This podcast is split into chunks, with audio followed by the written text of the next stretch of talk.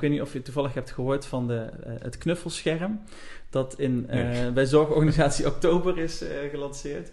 Het is eigenlijk een grote plastic plaat met twee soort van chirurgische handschoengrepen waar je, je in kunt gaan aan allebei de kanten. En je kunt elkaar dan echt een knuffel geven. Maar als je ziet hoe mensen erop reageren, dat ze tranen in de ogen krijgen, omdat ze weer even een knuffel kunnen krijgen van iemand die ze dierbaar zijn, dan zie je van ja, het gaat niet om hoe dat eruit ziet. Het gaat erom dat dit een, ja, een manier is om toch nog contact uh, te hebben. Fontis is niet alleen een hogeschool, maar ook een kennis- en onderzoekscentrum. Op deze vier domeinen: educatie, economie, mensenmaatschappij en techniek. Zo'n 40 lectoren geven binnen Fontis richting aan het onderzoek dat op deze gebieden plaatsvindt. In deze serie podcast spreek ik met hen over hun onderzoek en hun gedrevenheid, maar ook over waar de innovaties die eruit voortkomen zichtbaar zijn in ons leven. Mijn naam is Bart Gieraats. Leuk dat je luistert naar Fontis Onderzoekt.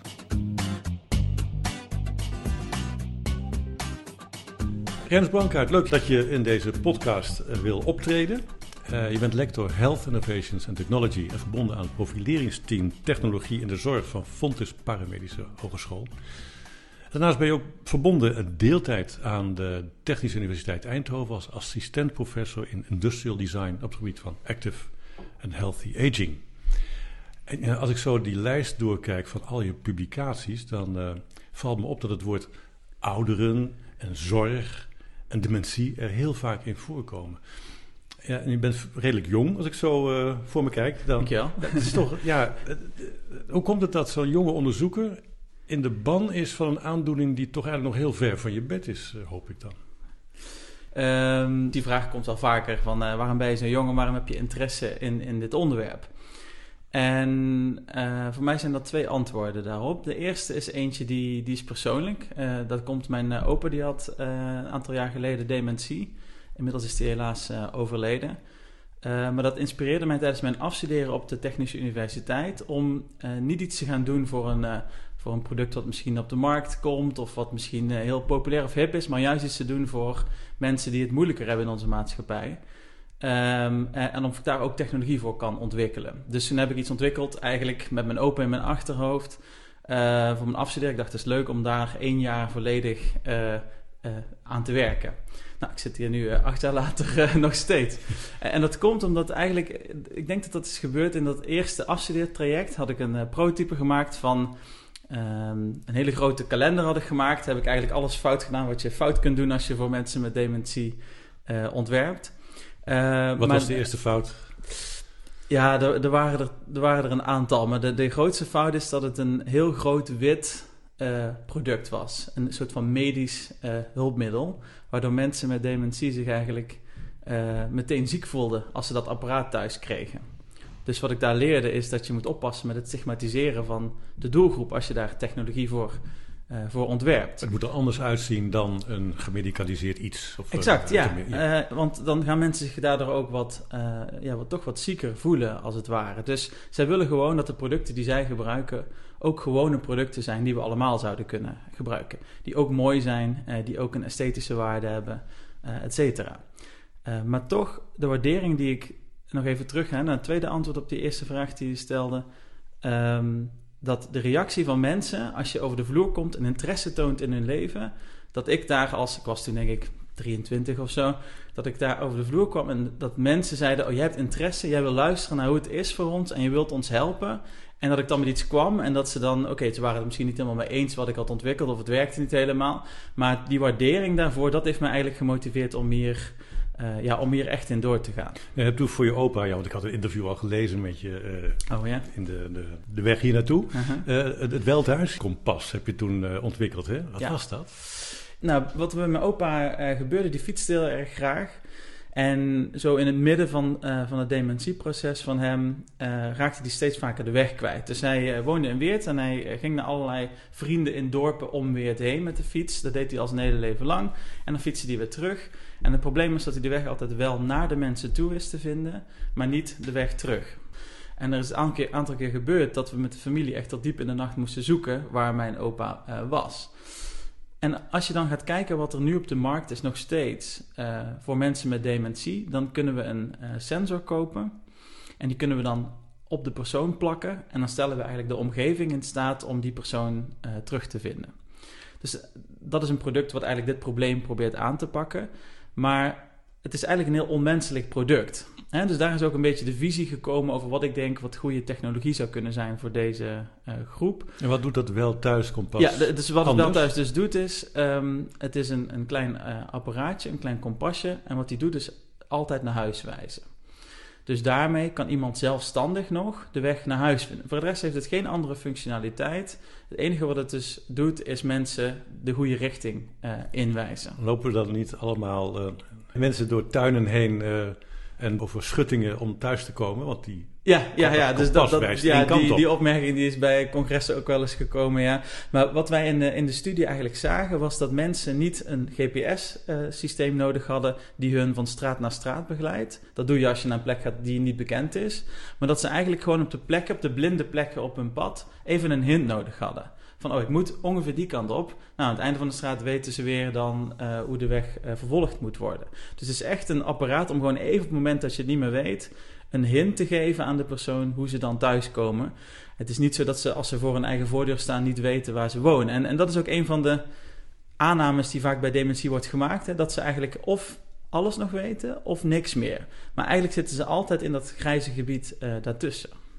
Heeft u er lang mee rondgelopen, je opa? Uh, nee, het was eigenlijk net klaar toen hij al te ver in zijn dementie was. Dus hij heeft nog mogen acteren. Uh, heb ik hem gevraagd in het filmpje wat ik heb gemaakt over het product.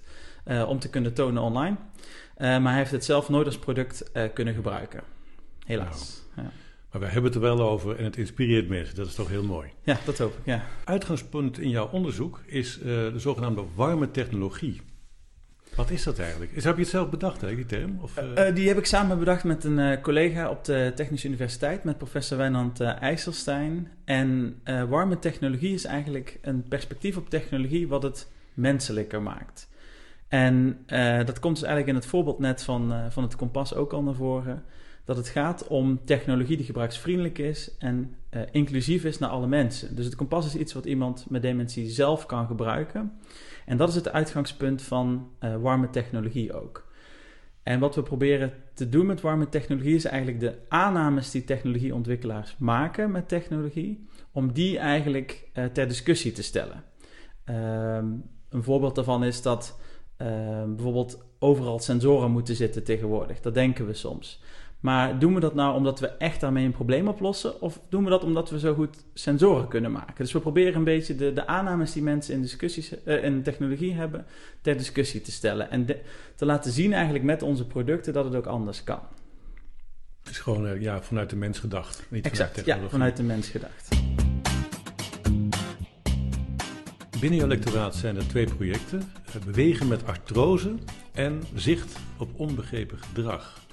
Wat houden die projecten in? Bijvoorbeeld de eerste, bewegen ja, met artrose. Uh, misschien goed om wat context te bieden. Dus ik zit in een team technologie in de zorg. En binnen dat team hebben we een aantal uh, onderwerpen. Waaronder uh, acceptatie van technologie, het ontwerpen van technologie en ook musculoskeletaal onderzoek. En uh, bewegen met artrose valt daar uh, binnen, maar daar ben ik zelf niet uh, aan gelieerd. Dat zijn collega's binnen het team, dus daar kan ik eigenlijk niet zoveel over Slaan we dat over? vertellen. maar het de andere project kan ik wel eens over vertellen. Dat zicht op onbegrepen ja, gedrag. zicht op onbegrepen gedrag, ja. En waar dat over gaat is eigenlijk van kunnen we met technologie onbegrepen gedrag bij mensen met dementie of een andere beperking, kunnen we dat met technologie meten zodat, we dat voor kunnen zijn voordat er een escalatie uh, optreedt. Onbegrepen gedrag, ja, dat is een, uh, ja, je begrijpt het meteen, maar er zit volgens mij een wereld achter. Wat, wat is dat? Ja, ik, vind, ik heb altijd een beetje moeite met die term, moet ik eerlijk zeggen, onbegrepen gedrag. Omdat het eigenlijk zegt dat de persoon die het gedrag vertoont niet te begrijpen valt. Terwijl als je vaak kijkt, uh, wat er onder de klassificatie onbegrepen gedrag valt, is bijvoorbeeld dwangmatig bewegen, neurotisch gedrag, herhaalgedrag. Uh, dat zijn eigenlijk vaak gedragskenmerken die we wel kunnen duiden. Die komen ergens vandaan. Misschien voelt iemand zich op een bepaalde plek niet thuis. Uh, en dan kan hij onbegrepen gedrag uh, vertonen. Dus eigenlijk in dit project zijn we eigenlijk op zoek van kunnen we dat gedrag meten? Kunnen we het eigenlijk het ongemak in mensen die dat niet meer verbaal kunnen uitdrukken, kunnen we dat meten? En kunnen we dan misschien met een interventie of met een signaal naar de medewerkers, kunnen we dan op tijd ingrijpen? Dat je dus eigenlijk geen crisissituaties krijgt in de uh, langdurige en complexe zorg. Maar hoe meet je zoiets? Um, Bijvoorbeeld met dwangmatig bewegen of zo? Ja, dat is een hele goede vraag. Um, je kunt uh, sensoren op allerlei manieren inzetten om eigenlijk... Toch sensoren? Toch sensoren. Dan heb je ze nodig? Ja, toch sensoren. Ja, of, of we ze nodig hebben, dat, dat weet ik nog niet. dat moet blijken uit het onderzoek. Hè. Dus, dus als ze daar een goede rol vervullen, zou ik het uh, zeker aanraden. Als ze daar alleen maar zitten omdat iemand het interessant vindt om dat te onderzoeken, zou ik dat, uh, zou ik dat niet doen. Sensoren, dat zijn, um, die zitten dan op het, op het lichaam van de bewoner, patiënt? Ja, dus wat we in dit, uh, in dit project doen is, in dit project gebruiken we een, uh, een armband. En die armband die, meet de heart variability van iemand. Dus dat is eigenlijk de variatie in de hartslag. En dat is een hele goede indicator voor stress. En daarmee proberen we dus, we zijn ook bezig met het onderzoek, we hebben nu een aantal studenten die daarmee bezig zijn. En daarmee proberen we dus te kijken, kunnen we daarmee een soort van voorspellende meting doen van het ongemak van iemand met, uh, met een dementie. En dat is dan als iemand bijvoorbeeld uh, zo'n zo'n uh, dwangmatige beweging maakt. dat kan dan eigenlijk iets zijn wat nog heel rustig is. Dan zie je gewoon een heel rustige hartslag. denk je niks aan de hand. Laat maar gewoon hè, mm -hmm. haar gang gaan, zijn gang gaan. Maar als die hartslag hoger is, dat is dan een signaalfunctie van hé, hey, deze dwangmatige beweging, dat is een signaal voor iets wat dieper ligt. Heb je dat goed begrepen? Um, nou, wat, wat we in principe proberen te doen is niet zozeer naar een hoger hartslag te kijken. Want je kan ook een hoger hartslag krijgen als je bijvoorbeeld iets spannend vindt. Uh, of als je ergens heel erg uh, zin in hebt bijvoorbeeld. En dat is niet per se iets slechts. Dus wat we proberen te doen met de variability is eigenlijk naar de schommelingen in de hartslag te kijken. Naar de variëteit eigenlijk in de hartslag. En we denken dat we daarmee wel een voorspellende waarde op stress kunnen, kunnen leveren. Um, het kan ook zijn dat iemand uh, zich, zich gestrest voelt zonder dat hij dat aan de buitenkant laat zien. En dat hopen we eigenlijk met deze armband te kunnen uh, registreren. Wat ik ook wel mooi vind, ik las een, uh, een zin dat, uh, ja kijk, alle zorg die er is rond ouderen, die zou ervoor moeten zorgen dat je leven toevoegt aan de jaren die er zijn. En niet dat je jaren toevoegt aan het leven.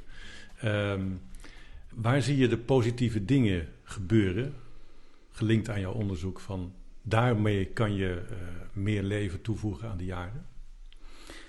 Um, ja, dat is een hele goede vraag. Want het heeft me namelijk best wel wat jaar gekost om op deze uh, zin te komen. Dat dat zo'n belangrijke uh, kernwaarde is.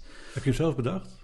Uh, ik uh, heb hem uh, zelf bedacht, maar daarna zag ik dat iemand hem eigenlijk in dezelfde vorm al een keer had gebruikt in een boek. Ik kan even de, de, de auteur van de quote niet meer achterhalen. Je hebt dus hem zelf bedacht. maar ja, dus hij, ik heb hem wel zelf bedacht, maar hij was al eerder een keer genoemd. Het is altijd een beetje dubbel. Um, maar wat, ik, wat de grondslag hieraan is, is dat, um, dat ik vind dat we in ons zorgstelsel vaak zo gericht zijn op iemand zo lang mogelijk in leven houden en dat we toch wat vaker mogen kijken, vind ik, naar iemand zo goed mogelijk uh, in leven houden. En dat kan zijn dat iemand bijvoorbeeld nog in zijn laatste jaar nog een hobby die hij heel graag doet kan uitoefenen. Dat hij dat liever heeft dan dat hij bijvoorbeeld nog drie jaar leeft en zijn hobby niet kan uitoefenen, als, even als voorbeeld. En ik denk dat we daar als, als geheel, als zorgstelsel echt uh, naartoe zouden moeten gaan. Ja, want we zitten nu uh, nog in de periode, ik hoop dat we er snel op terug kunnen kijken dat we viraal op uh, veilige afstand moeten blijven, hè, Rens. Corona is een, uh, is, uh, heeft een groot risico voor oudere mensen die we hebben opgesloten, die geen bezoek meer kregen, geen familie meer konden zien, ja. kleinkinderen niet konden omarmen, knuffelen. Hoe kijk je daar tegenaan als, je, als we het hebben over kwaliteit van leven en uh, vooral in zo'n laatste levensfase van je leven? Ja, op, op dit moment is de situatie echt heel erg triest in de, in de zorghuizen.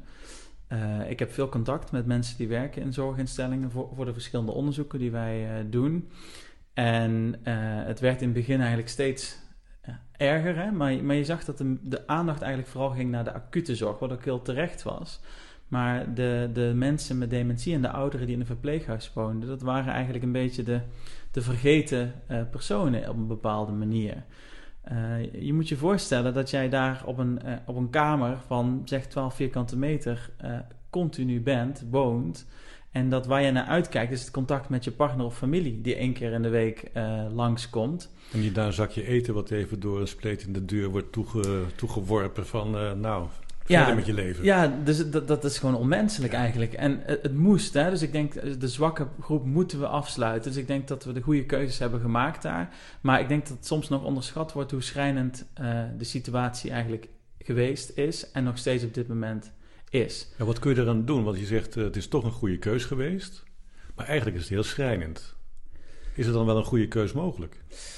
Nou, zolang het, je zei net al, ik hoop dat, uh, dat het virus snel voorbij is. Ik denk als het tijdelijk is, dan, dan, dan is dat acceptabel in een zekere zin. Als dit langdurig zou zijn, uh, dan zou ik denk ik toch daar inderdaad wat, uh, wat beperkingen opheffen om het levenskwaliteit ehm, te verhogen.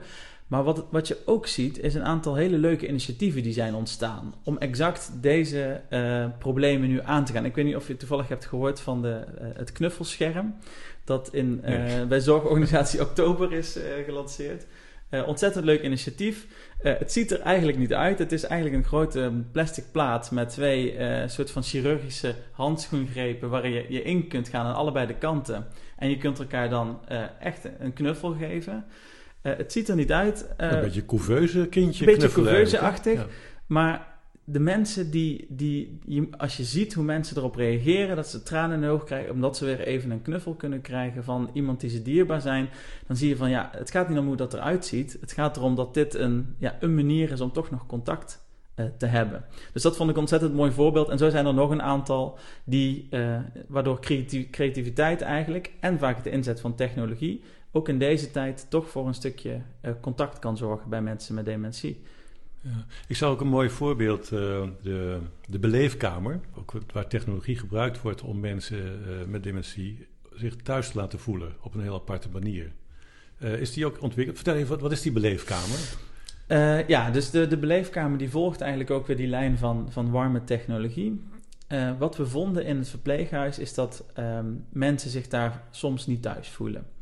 Dus wij dachten, wat zouden we nou kunnen doen om mensen een, een thuisgevoel te geven in dat verpleeghuis?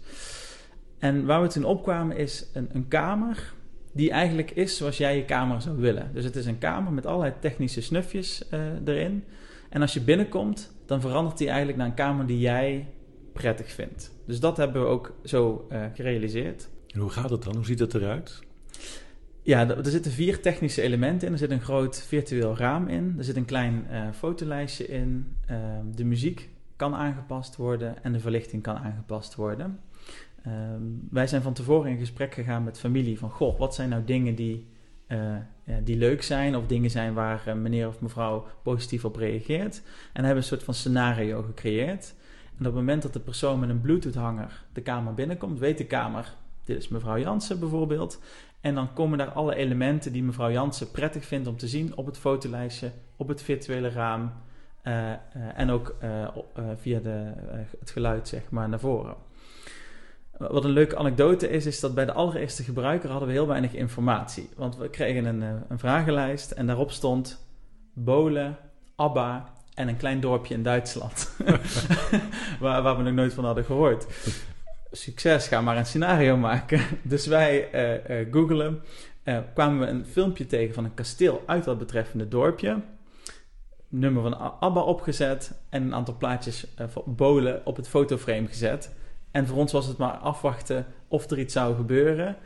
Nou, die mevrouw die komt binnen, die ziet de kamer, wordt van haar, zeg maar.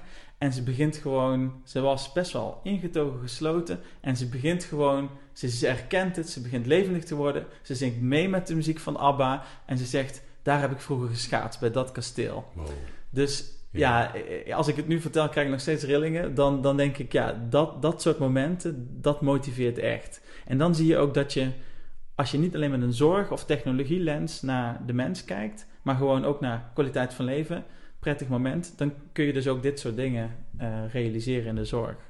Ik zit een beetje te denken, het is gewoon eigenlijk filterbubble next level. Hè? Want we zitten natuurlijk allemaal als we op sociale media zijn of op het internet, alles wordt in jouw filterbubbel. Uh, je ja. krijgt alleen maar dingen te zien die jij ja, leuk vindt. Klopt, ja. Je zou eigenlijk in de toekomst jouw eigen uh, profiel op internet kunnen koppelen aan die beleefkamer. En dan, nou joh, dus dan heb je een soort VR-beleving. ja, ja, je zou misschien nu ergens uh, op Google of zo of op Facebook een, een, een, knop aan kunnen zetten. Log mijn levensverhaal. Of log mijn, uh, mijn leven. En dan als ik later uh, 80 ben of zo, of 90, dan laat het maar zien. En ik, ik denk dat dat echt goed zou kunnen werken. Ja, dat zou, het zou een hele mooie zijn. Kijk, er zitten natuurlijk allerlei risico's aan, aan de filterbubbel die je noemt, hè, qua privacy bijvoorbeeld.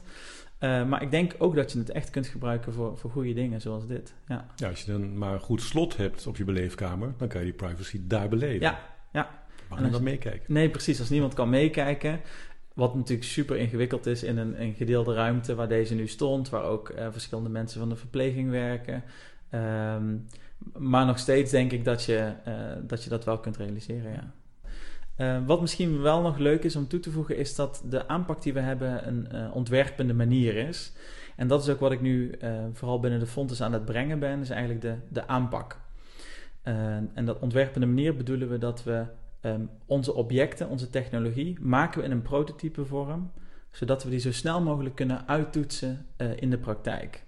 Dus die kamer, die hebben we binnen drie maanden gerealiseerd. En we weten dat niet alles correct is uh, in die kamer, dat alles soepel gaat lopen, maar we weten wel of die kamer überhaupt een, uh, iets is, of het überhaupt uh, iets bij mensen oproept of niet. En, en dat is een manier van werken, dat noemen we design thinking of ontwerpend werken. En dat is een, een manier waar we binnen de Fontes op binnen allerlei afdelingen steeds meer mee aan de slag gaan. Uh, en, en, en daarin ben ik zelf geschoold. Heb ik ook zelf lesgegeven op de Technische Universiteit. En eigenlijk om dat binnen de gezondheidssector te komen brengen in de Fontes ben ik vorig jaar uh, begonnen als, uh, als lector. En we hebben een, een minor, een design thinking minor bij Team Technologie in de Zorg. Waarin we dat ook echt met, met zorgprofessionals aan het, aan het doen zijn. En dan zie je dat een zorgprofessional niet iemand is die alleen maar zijn beroep uitoefent, maar iemand die ook een verantwoordelijkheid heeft om mee te kunnen denken over what's next. Waarom maken we het niet zo op die manier? Waarom ontwerpen we niet deze technologie uh, uh, beter of vriendelijker voor de mens? Uh, en, en ik hoop dat we daar ook echt binnen een aantal jaar goede resultaten behalen. En wat zijn jullie nu aan het ontwerpen, wat in een design thinking fase is? Um, een goed voorbeeld van wat we nu aan het ontwerpen zijn. Uh, uh, en dat is, is, eigenlijk ook een stukje geïnspireerd door uh, corona. Zijn we aan het kijken of we contact tussen mensen die thuis moeten blijven, contact tussen mensen met dementie en familie, of we dat op een tastbare manier kunnen realiseren. En dat klinkt heel, heel vaag misschien als ik dat zo zeg.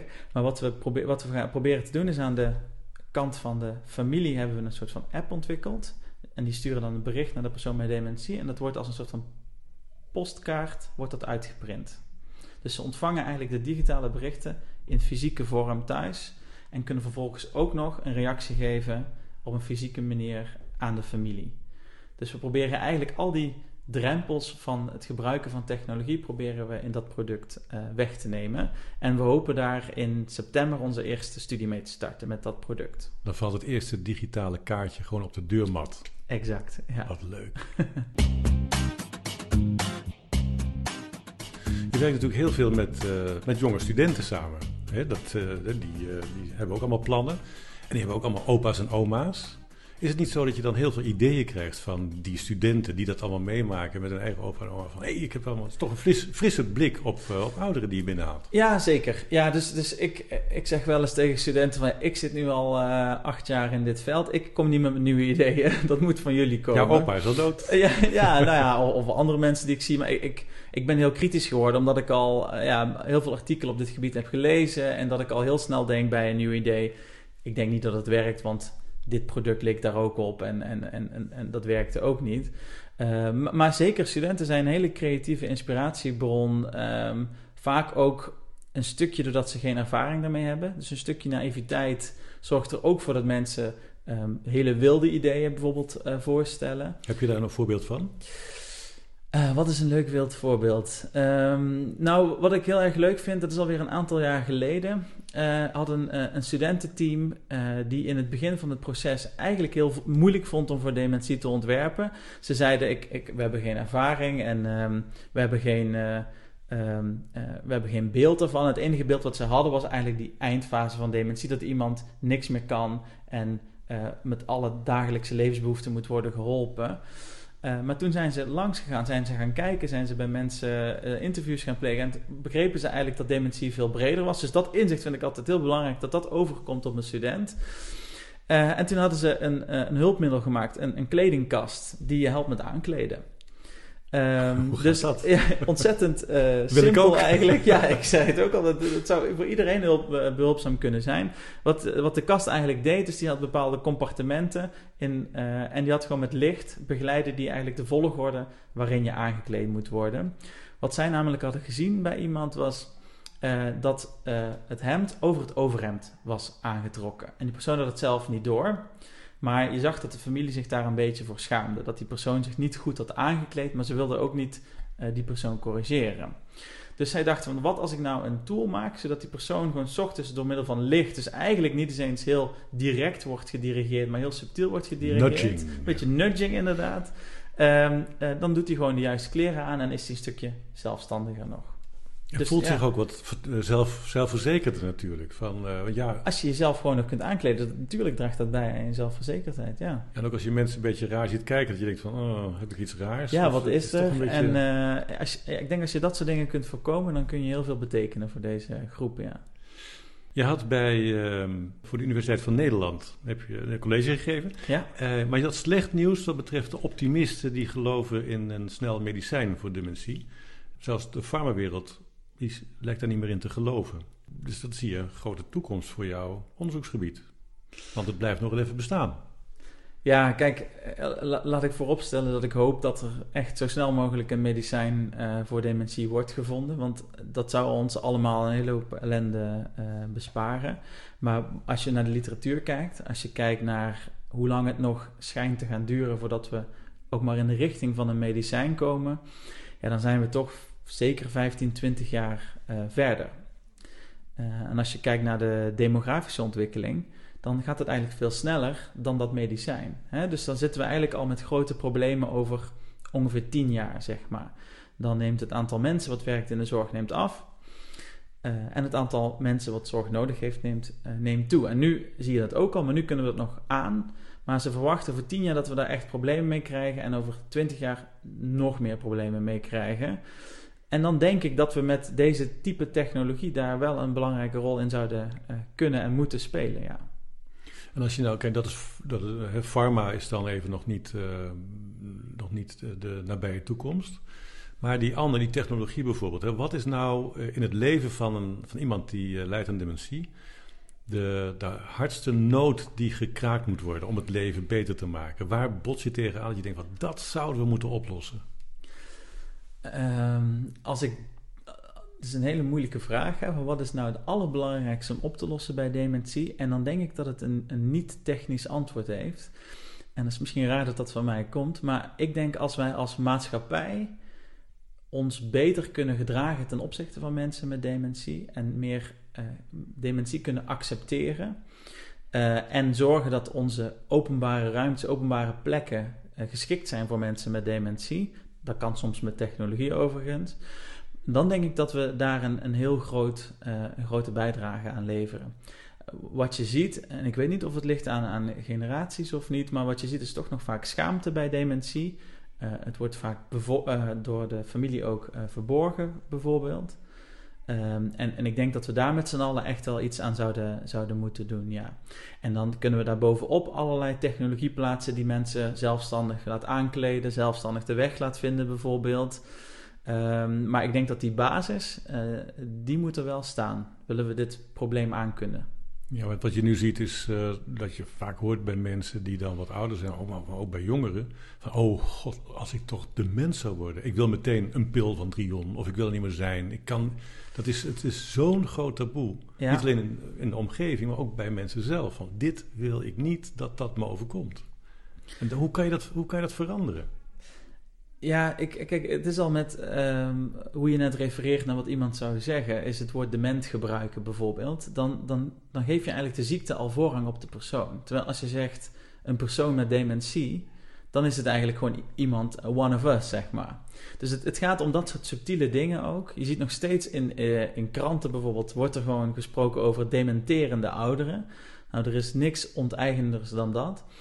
Um, Hoe zou je het dan moeten noemen? Gewoon mensen met, mensen dementie. met dementie. Ja, net zoals we mensen met kanker zeggen, zeggen we ook niet uh, kankerende mensen. Uh, dus daar hebben we dat wel gedaan, maar bij dementie toch nog niet. Ja, kankerleier is zelfs een, een scheldwoord. Dat is zelfs een scheldwoord, niet. Ja, ja. nee, ik zal het nu ook niet herhalen. Maar ja, nee, maar ziektes dus, zijn toch heel... Ja, ja ziektes. En, en, maar daar vind ik ook iets raars in zitten. Hoor, want Nederland is eigenlijk het enige land waar we op die manier met, uh, met ziektes gooien. In, in het buitenland is dat... In bijna elk ander land is dat een taboe. Uh, maar ik denk als we gewoon over mensen met dementie kunnen praten... en ook als mensen met dementie uh, naar de supermarkt gaan... en daar vergeten een portemonnee mee te nemen... Uh, ik denk dat heel veel plekken nog niet weten hoe ze daarmee om moeten gaan. Heel veel supermarkten weten niet hoe ze daar dan mee om moeten gaan. En als daar een conflict ontstaat, nou, dan komt die persoon niet meer terug in de supermarkt. Dus hoe kunnen we dat soort dingetjes, hè, menselijke omgang met elkaar, hoe kunnen we dat rondom dementie uh, verbeteren? Dat vind ik wel, um, uh, dat vind ik een heel belangrijke taak voor ons als maatschappij die we nog, die we nog voor ons hebben liggen. Ja. Verheug je op jouw dag? Uh, ik verheug me ja, zeker op een, uh, op een oude dag. Ik hoop dat ik zo, zo oud mag worden, dat ik dat mee mag maken ten eerste. Um, en als dan je vervolgvraag is, vind je het erg om dan dementie te hebben? dan, natuurlijk zou ik dat heel erg vinden. Dus, dus je gunt dat natuurlijk niemand. Alleen, ik denk dat het minder... kijk, dementie is een proces van dat kan tot wel tien jaar duren. Eh, van echt de eerste signalen van geheugenverlies, van, van mild cognitive impairment heet dat, tot, uh, tot echt uh, late fase dementie. Ik denk van, van dat stuk van die tien jaar kun je heel veel goede kwalitatieve jaren hebben. En, en ik denk als we dat met elkaar inzien, dan hoeven we niet dementie als alleen maar die laatste fase te zien waar iemand hulpbehoevend is en niks meer kan. Want ja, dat, dat, dat wil niemand in die fase zijn. Ja, misschien is het wel over heel veel jaren dat een hele oude Rensbrankaart iets in zijn handen krijgt. Dat hij denkt van, hé, hey, dat heb ik nog bedacht. Ja, dat, zou heel mooi zijn. Ja, het gaat heel moeizaam om dat soort producten naar de markt te krijgen. Uh, maar, maar dat zou heel mooi zijn als dat uh, zou gebeuren, zeker, ja. Hey, bedankt voor dit gesprek. Ja, dankjewel. Het was uh, leuk om te doen.